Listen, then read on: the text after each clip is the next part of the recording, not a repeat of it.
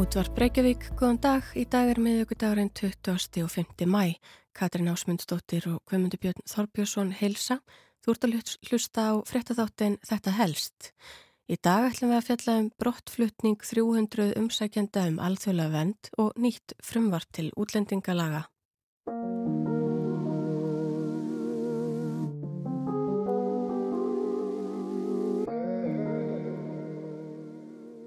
Orðið útlendingur felur í sér einhverja fjarlægð. Sá sem er útlendingur er annarkvört í eða úr öðru landi. Hann er hafreikið spreka á annarleiri strönd eins og segir í ljóðinu.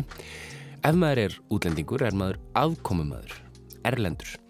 Á öðrum tungumálum, til dæmis í frönsku, felur orðið yfir útlending líka í sér einhvers konar skringilegheit, étranger, sem þýðir í raun ókunnur, einhver sem er okkur ókunnur, en er líka ókunnugur staðháttum. Eitt af mestarverkum 20. aldar bókmentana er skaldsaðan útlendingurinn eftir fransk-alsíska heimsbyggingin Albert Camus, en á frummálinu heitir hún nefnitt Le Tranché. Á ennsku er hún gerðan þýtt sem The Stranger, ókunnur maður, aðkomumadur.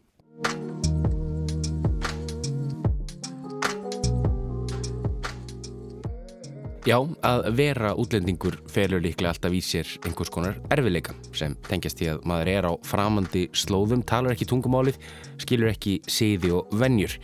En þessir erfileikar eru mismiklir, það er eitt að geta ekki banta sér appelsín á Tenerife og annað að vera sinjað um alþjóðlega vernd.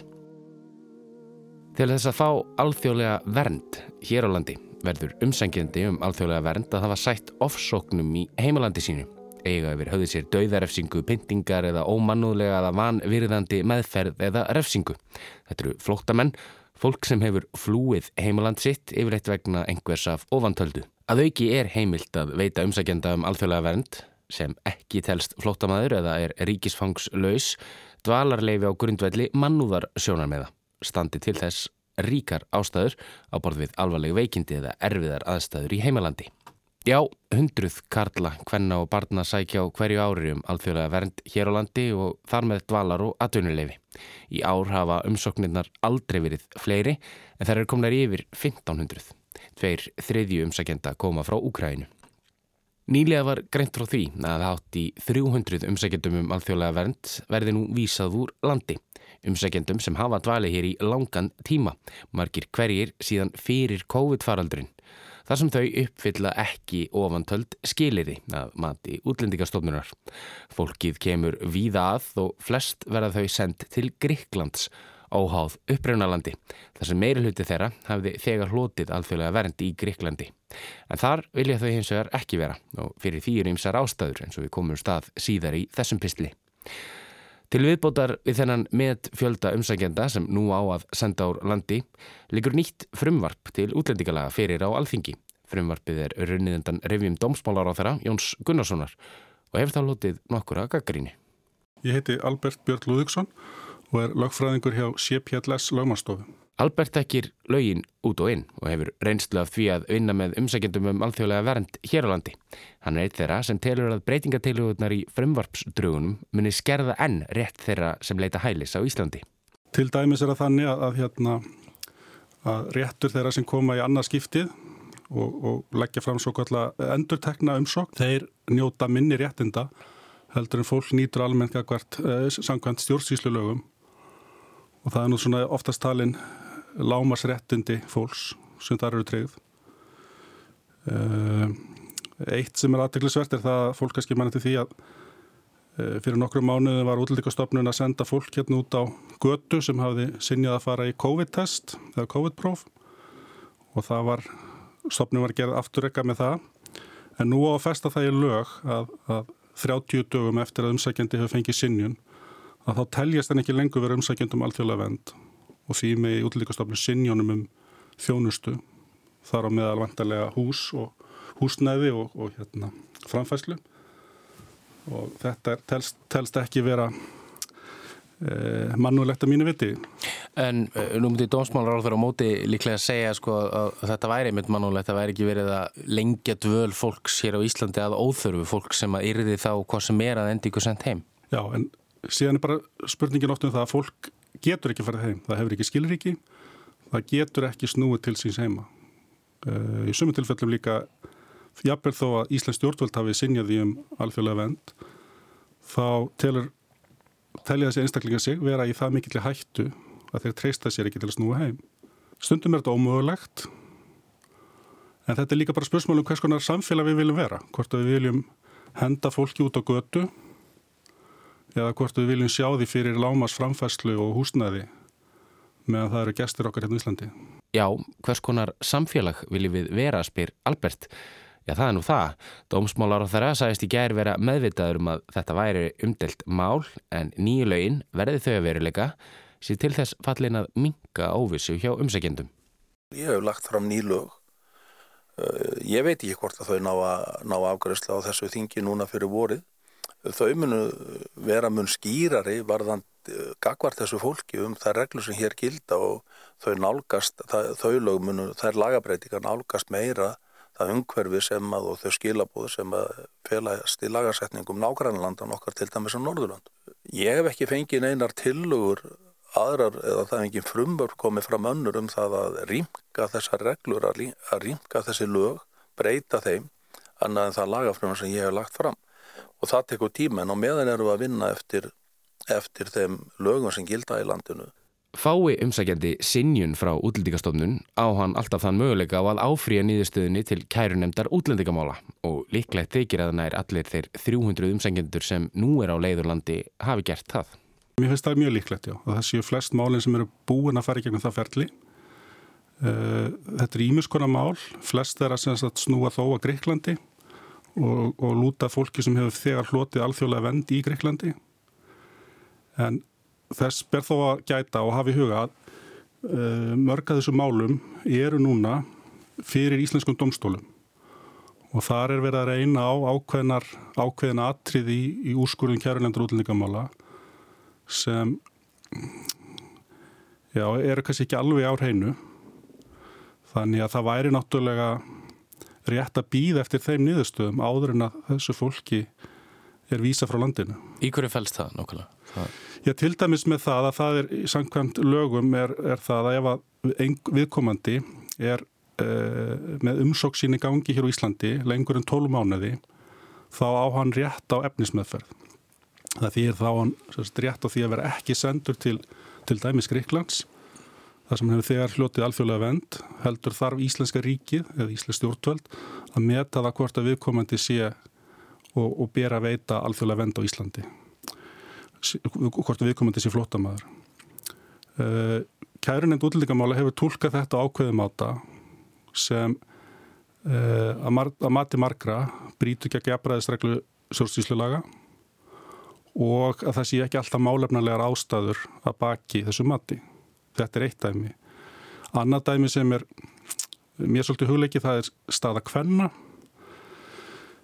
Uh, ég tel að það sé ekki metið rétt uh, hjá Íslenska stjórnvöldum kynbundin sjónamið um það, þá staðarind að, að konur sem hinga að koma, sem eru flotta konur, flotta fólk, það, það er er ekki engungu að flýja það, það er ástæður að þar séu rángra trúar, þar séu af raungum ættbólki, hafi rángar skoðanir uh, í stjórnmólum með að við stjórnvöldast ríki sem það koma frá, heldur er það einni að flýja uh, stöðu sína sem, sem konur.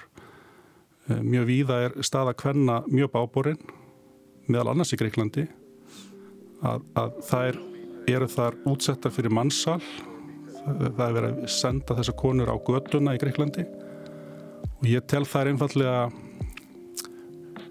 viðkvæmari heldur en heldur en eh, kallana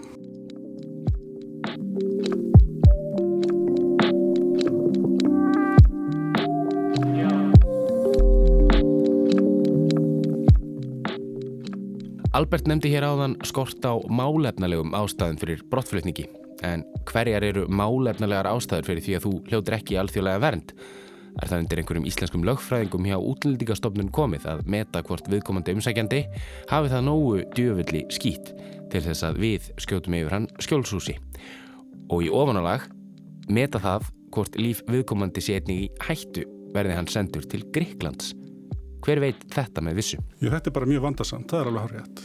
það er eins og er ákveðin regluverk sem gildur um þetta bæði á vegum saminuðu þjóðana og Európusambandsins og við höfum tekið þennar rétt að verulega leitu upp hjá okkur. Og þar er ákveðina svona leiðbynningar að finna. En þá gerir ég ráð fyrir að þetta fólk sé sendt úr landi á grundvöldi þess regluverks. Jú, en síðan kemur spurningina því að öll lög þarf að tólka lög er ekki aðtöksmyndin eins og var í gamla daga heldur, heldur almennt orðuð. Og þá þarf að heimfæra ákveðna málavexti á ákveði lagana og þar er stjórnvöldum útlendingastofnun og kærinemd útlendingamála falið mikið svirum og þessi stjórnvöld ráða því mjög mikið hvaða sjóna með að þau líta til. Eh, ég hef talið að þau þurft að líta til dæmis í eh, stöðu hvenna meira til kynbunduna sjóna með það og síðan þetta spursmál líka um, um skilgreinu hvað telst skilvirkni? Er það að senda fólk til Greikland þar sem er e, mikið álag fólk býr á götunni. Flesti sem koma til, til Európu komi gegnum Greikland eða, eða Ítalíu. E, hvar er skilvirknin í því? Þannig að vissuleg er matið flókið en þetta snýst kannski líka um það bara hvers konar samfélag við viljum vera í. Lögin eru sett til að þjóna okkur. Laugin eru líka sett til þess að eh, mæta þeim uh, atriðin sem komu upp og tólkunni þeirra það líka samrýmast uh, tilgangið þeirra og, og, og markmiðum. Segir Albert Björn. Jóni Gunnarsinni, dómsmálar á þeirra hefur verið tíðrætt að undanförnum mikilvægi þess að gera greinamun annarsvegar á þeim sem koma hingað til að sækja um alþjóðlega vernd og hins vegar á þeim sem sækja um dvalar og atvinnuleifi hér á landi. En ætti þetta fólk þá hvort sem er einhvern möguleika á að setja stað hér á landi. Nógu erfitt er það nú fyrir að fá dvalar og atvinnulefi hér á landi sem að er ekki af EES-sveðinu. Ég, ég skilrendur ekki alveg hvað ráður er að fara með þessu vegna þess að þeir sem sækja hér um alþjóðlega vend er að sækjum dvalar og atvinnulefi á sama tíma. Það er fólkið í alþjóðlega vend. Alþjóðlega vend, það er meðal annars getið um hana í mannréttinda yfirlýsingu saminuð þjóðana og það er bara ákveðinir einstaklingar sem falla undir það. Þetta er ákveðið vendarhúttak og meðal þess uh, sem þeir sem fá stöðu sína viðkjönda að þeir fá uh, dvalarleifi og atvinnuréttindi á Íslandi. Uh, þeir sem eru að flýja heimaríki sitt, þeir eiga ekki að sækja um dvalarleifi og atvinnuleifi engöngu. Þeir hljóta alltaf að sækja um alþjóðlega vend. Þeir sem eru að koma eins og frá Gríklandi, þó þeir hafi hlotið alþjóðlega vend þar, þeir eru í mörgum tilfellum að flýja uh, jafnvel verra aðstæðar heldur en komi í úr heimaríki. Uh, fólk gæti í einhverju tilfellum mögulega falið samkynniði sína í ákveðinu ríkjum en, en það felur það enginn þegar þú býrð á göttunni. Þú, þú bara býrð á göttunni. Þú farði enga framfæslu. Þú, þú ert að betla mat. Þannig að aðstæða margra í Greiklandi er, er svo óbúslega slæm Mörg velta því einmitt fyrir sér hvers vegna eru aðstæður svona slæmar í Gríklandi. Þar er mjög erfitt að fá framfæslu frá ríkinu og flestir hælisleitendur og flóta fólk sem fær þar alþjóðlega vernd fær ekki framfæslu.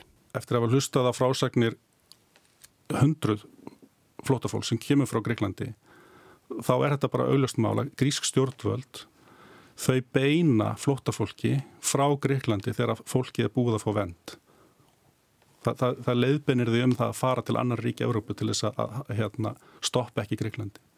Það eru miklu fordómar meðal annars sína stjórnsýslunum í Greiklandi sem reynilega útloka þetta fólk frá því að fá þjónustu, húsnæði og framfæslu. Það eru miljónir flottamanna á vergangi út um allan heim. Er hægt að taka á móti þeim öllum? Jón Gunnarsson, dómsmálára, þeirra er ekki á þeirri skoðin. Við getum auðvitað tekið þá ákverðin að hafa hér bara opin landamöru og haft bara hleft hér fólki óheft inn í landið það eru nú fáið sem að er á þeirri skoðun og það er skoðanir sem við vissulega fyrir hendi hjá ákveðnum aðlum í okkar landi. Og um þetta gildir þá eitthvað dregluverk og við erum að setja okkur í samræmi við þar, við erum í alþjóðlu samstarfi Evrópu ríkja mestu leiti, það kemur að þessum málum og við erum að vinna svona eftir sambarilegum reglum og öll nágrannlöndin okkar og löndi sem við berum okkur sama við er að vinna eftir. Mm. En er þetta ekki alveg rétt hjá domsmálar á það? Ráða íslenskir innviðir við það að taka á múti ófyrir síðan fjölda flóttamanna?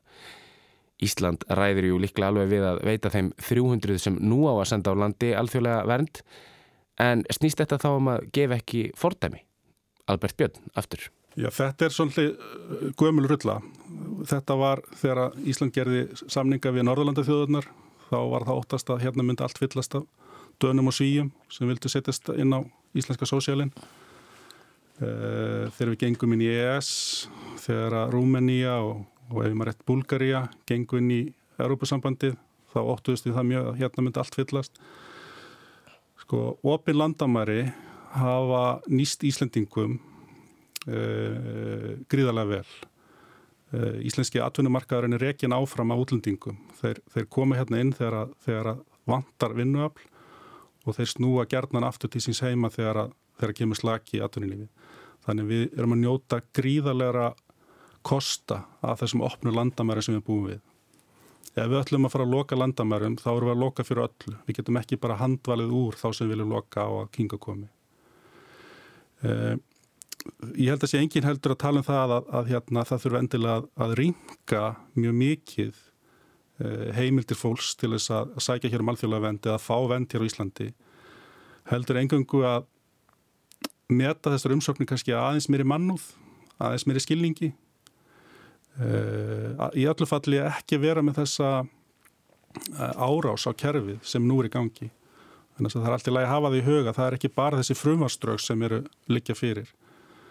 Það er nýbúið að segja upp samningi við Rauðakrossum um talsmannaþjónustu og þó að lögumenn séu vel til þess fallir að gæta þessari þjónustu einni að þá skerði þetta ákveðanar heldar sín sem Rauðakrossin hafið á málaflokkin og gæt þannig beitt sér. Nú dreifist þetta á marga lögumenn sem kannski njóti ekki sömu forréttindi sem Rauðakrossin hafiði við að hafa allir sem mála einu, einu, einu einu borði.